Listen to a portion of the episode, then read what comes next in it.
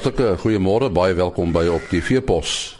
Ons praat vanoggend met Peer van 'n vyfer van eh uh, CMW en veral oor sy bokhaar en dan met uh, Harry Prinsloo, 'n veteraan wolman.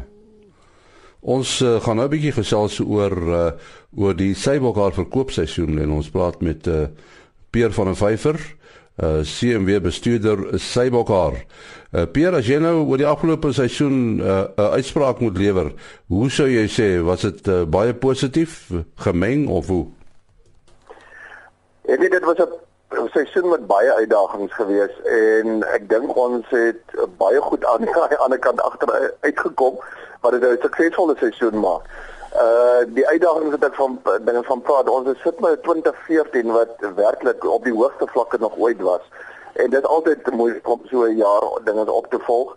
Daar was 'n bietjie weerstand teen uh eet in die hoë pryse. Jy sê in gedagte moet hou dat in die afgelope 2 jare die bokkerprys omtrent dubbel. So is ehm uh, daar sal verseker 'n bietjie weerstand kom van die verbruikerskant af. En uh, dan het ons ook die groot brand gehad waar een van ons verwerkingsfabrieke wat een van die grootste in die wêreld is afgebrand het wat uh, ook sy uitdagings gelewer het. So is uh, ek dink op oor die algemene baie suksesvolle seisoen. Ja, enige mark is maar siklies, né? Nee. Nee, verseker en um, Bokker ek dink nog meer so dat omdat Bokker regtig op die hoë end van die uh, mode uh, het kompeteer. Uh dit sal daar maar altyd 'n bietjie op en af wees, maar ons is baie tevrede onder die huidige omstandighede vir die aanvraag wat daar nog steeds is. Nou kan jy sê dat die dat die af eintlik 'n bietjie meer op is as in die verlede. Uh, as jy dit vergelyk as jy vergelyk met 2014 is ons al baie naby aan die vlakke wat ons verlede jaar hierdie tyd was. Daar's natuurlik verskille in die uh mikrongroepe self waar die uh klein mokkie haar wat laas jaar op absolute rekordvlakke was, uh het redelik afgekom met 'n prys en dit is maar hoofsaaklik as gevolg van die, die groot deel daarvan na Europa toe gaan en daar het die wisselkoers meneer die meneer wat uh, geweldig swaar gekry het die afgelope jaar natuurlik ook 'n direkte invloed op ons gehad want dit was ons kliënte moes in daar met met die euro koop. Soos ehm um, en die euro het redelik verswak teen selfs teenoor die rand soos uh, dit het nogal uitdagings gelewer maar dan gelukkig vir ons het die sterker gedeelte van die skeursel het weer opgegaan in pryse soos dat ons baie naby aan dieselfde vlakke is intedeel ons is nog 'n bietjie hoër as wat ons laas jaar hierdie tyd was jy het in 2014 uh, uh ek soveel uit uh, geskeer. Uh, hoe lyk dit uh, van jaar al? Ja, daar is so 'n uh, uh, uh, klein opwaartse uh, verbetering in produksie. Uh ek dink uh dit is verseker as gevolg omdat uh, die mense werklik hulle Angora bok getalle uitbrei en uh, dan maar daar maar daar was daar ook so 'n bietjie soos ons almal weet in die somergebiede was daar is dit redelik droog en dit het die produksie so 'n bietjie teruggehou, maar oor die algemeen was ons produksie so effens opgewees. Hierdie uitbreiding van die getalle, die gebied uh, begin ook nou verander nie. Dis nie net die Oos-Kaap nie. Nee, dit is nie net die Oos-Kaap nie en interessant genoeg baie meer na die droë dele toe so van die Noord-Kaap en dele van die Wes-Kaap. Uh maar oorsaaklik daar waar dit droog is en uh, dit is heel gepas wat 'n Angora bok is 'n woestyndier. Almal vergeet dit en hy gedui onder uh toestande wat wat wat werklik meer na die droë kant toe neig as wat dit uh in die natter kant toe is. Nou as jy in die kristalbal kyk uh, Pier uh, hoe hoe lyk dit uh, vorentoe die volgende seisoen?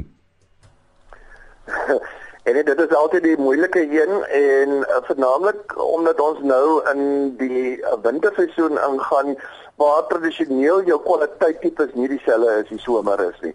So ek sien 'n uh, bietjie afwaartse aanpassing in uh, dinge van prys maar hoofsaaklik as gevolg van die kwaliteit wat ons nie dieselfde kwaliteite het in die winterseisoen as wat ons in die somerseisoen het nie.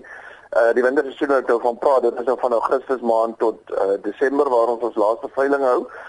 En uh maar die uh, relatief bly die aanvraag vir bokke nog steeds uh, goed. So ek sien nie 'n noemenswaardige groot verandering nie behalwe op kwaliteite wat daar 'n bietjie afwaartse aanpassing kan wees op die gemiddelde prys. En en die markte bly maar dieselfde. Dis dis nou maar Europa en miskien die ooste. Ja, nee, dit is maar dwars weer uh oor die wêreld. Uh die ooste het 'n sekere tipe in belangstel en dan natuurlik Europa weer uh weer die hoë kwaliteit tipes. Ehm uh, dit is nog 'n uitdaging. Dit sal baie afhang van wat gebeur in uh weet met Griekeland en die in die situasie in Europa rondom dit. Uh want dit kan 'n uh, geweldige impak hê op uh die hierdie op die res van Europa. So en dit sal ook 'n impak op ons hê as iets baie negatiefs daar gebeur. Maar um, op hierdie stadium lyk dit daarom nie so nie en dan die ooste Ehm um, ons is so 'n bietjie teleurgestel dat Japan uh, nie nog sterker in die mark inkom nie. Maar ehm um, die ander dele uh, Taiwan en China het nogal redelik sterk gekoop. So is uh, ons hoop dat dit sal volhoubaar wees. Daar sê Pierre van der Vyver, CMW se bestuurder Sybokhaar. En nou stel ons vir uh, Isak Hofmeyer aan die woord om te gesels met Harry Prinsloo. Ek gesels met uh, Harry Prinsloo. Nou na 15 jaar op die dagbestuur van die NWKV waarvan 4 jaar voorsitter was, het hy nou uh, vandag die tuig of lê hy tydens hierdie kongres die tuig neer. En Harry, ek wil graag met jou gesels oor jou perspektief die afgelope 15 jaar. So 'n bietjie waar jy vandaan kom, waar ons nou is en waar jy op pad heen is. Dankie Isak. Ja, dit is 'n uh, eintlik 'n moeilike vraag. Uh ek dink miskien om reg voor te begin, die die wolkwekers of die woolgrowers is 'n baie proaktiewe organisasie dink ek en dis is ek om gekry het ook omtrent 15 jaar terug. So dit was 'n moeilike pad om te probeer om 'n bydrae te lewer in terme van die vooruitgang van die organisasie. Ek dink tog daar's 'n klompie hoogtepunte wat 'n mens kan uitlig en ek het dit probeer saamvat in my jaarverslag vandaan. Ek dink ons het daarin geslaag in hierdie 15 jaar om algeheel te transformeer. Ehm um, Jy sou ook vandag gesien het omtrent 45-50% van ons kongres bestaan uit opkomende landboulede van ons. En dit op sigself spreek daarvan van 'n van 'n organisasie wat wat waarskynlik die eise van die tyd redelik tot 'n mate uh deurstaan het. Ehm um, Ons het dan geslaag om ook ons opkomende landbou tot 'n tot 'n status verhef waar hulle besluitnemingsmag op die hoogste vlak van van hulle bedryf kan hê. Ek dink dit per se uh, is vir my 'n baie groot hoogtepunt dat ons dat ons by daai punt gekom het en daardeur sê ek ook vir jou dat my voorgangers het het al begin met die proses. Ek dink 'n ander hoogtepunt vir my is dat ons het vanuit die nasionale wolkwekersvereniging verskeie aksies geloods om die belange van ons kommersiële produsente uh, tot 'n mate op die radarskerm te plaas. En binne in ons organisasie dink ek veral die die transformering of die algemering van van industrie uh uh sisteme in plekke. Ons het daarin geslaag om byvoorbeeld die uh die werking van silo's tot 'n groot mate uh, uit die weg uit te ruim waar ons uh die kopers en die produsente bymekaar gekry het in een kamer. En ek dink daardeur uh jy weet daar's 'n ou gesegde van ek is die kan die til en jy is ander kan die til. Ek dink ons het dan geslaag om om tot 'n groot mate 'n een goal vir almal te kry en dit is om die wolbedryf te groei in Suid-Afrika. Dit is beslis vir my 'n hoogtepunt. Ek dink ons betrokkenheid internasionaal het in die afgelope 4 jaar geweldige momentum gekry. Ek dink ons het baie goeie leiers internasionaal gehad om of tans het om om die Suid-Afrikaanse skeersel in die oë van die wêreld te hou. Ek dink die Suid-Afrikaanse skeersel is op 'n punt waar waar die wêreld regtig uh notisie neem van ons van ons skeersel.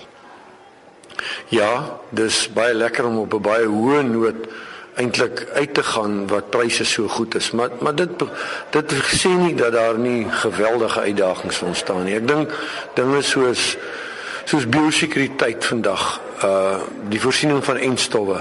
Dit is eintlik werk in uh deurlopende prosesse. Die Engels het 'n mooi term, work in progress. Uh, ons sal moet by die punt kom waar ons onderste poort en biosekuriteitsaangeleenthede in Suid-Afrika op 'n baie sterk wyse aanspreek. Uh predasie is 'n geweldige groot probleem op die huidige oomblik. Uh maar ons kan ook nie toelaat dat ons vir ewig in konflik met almal leef nie.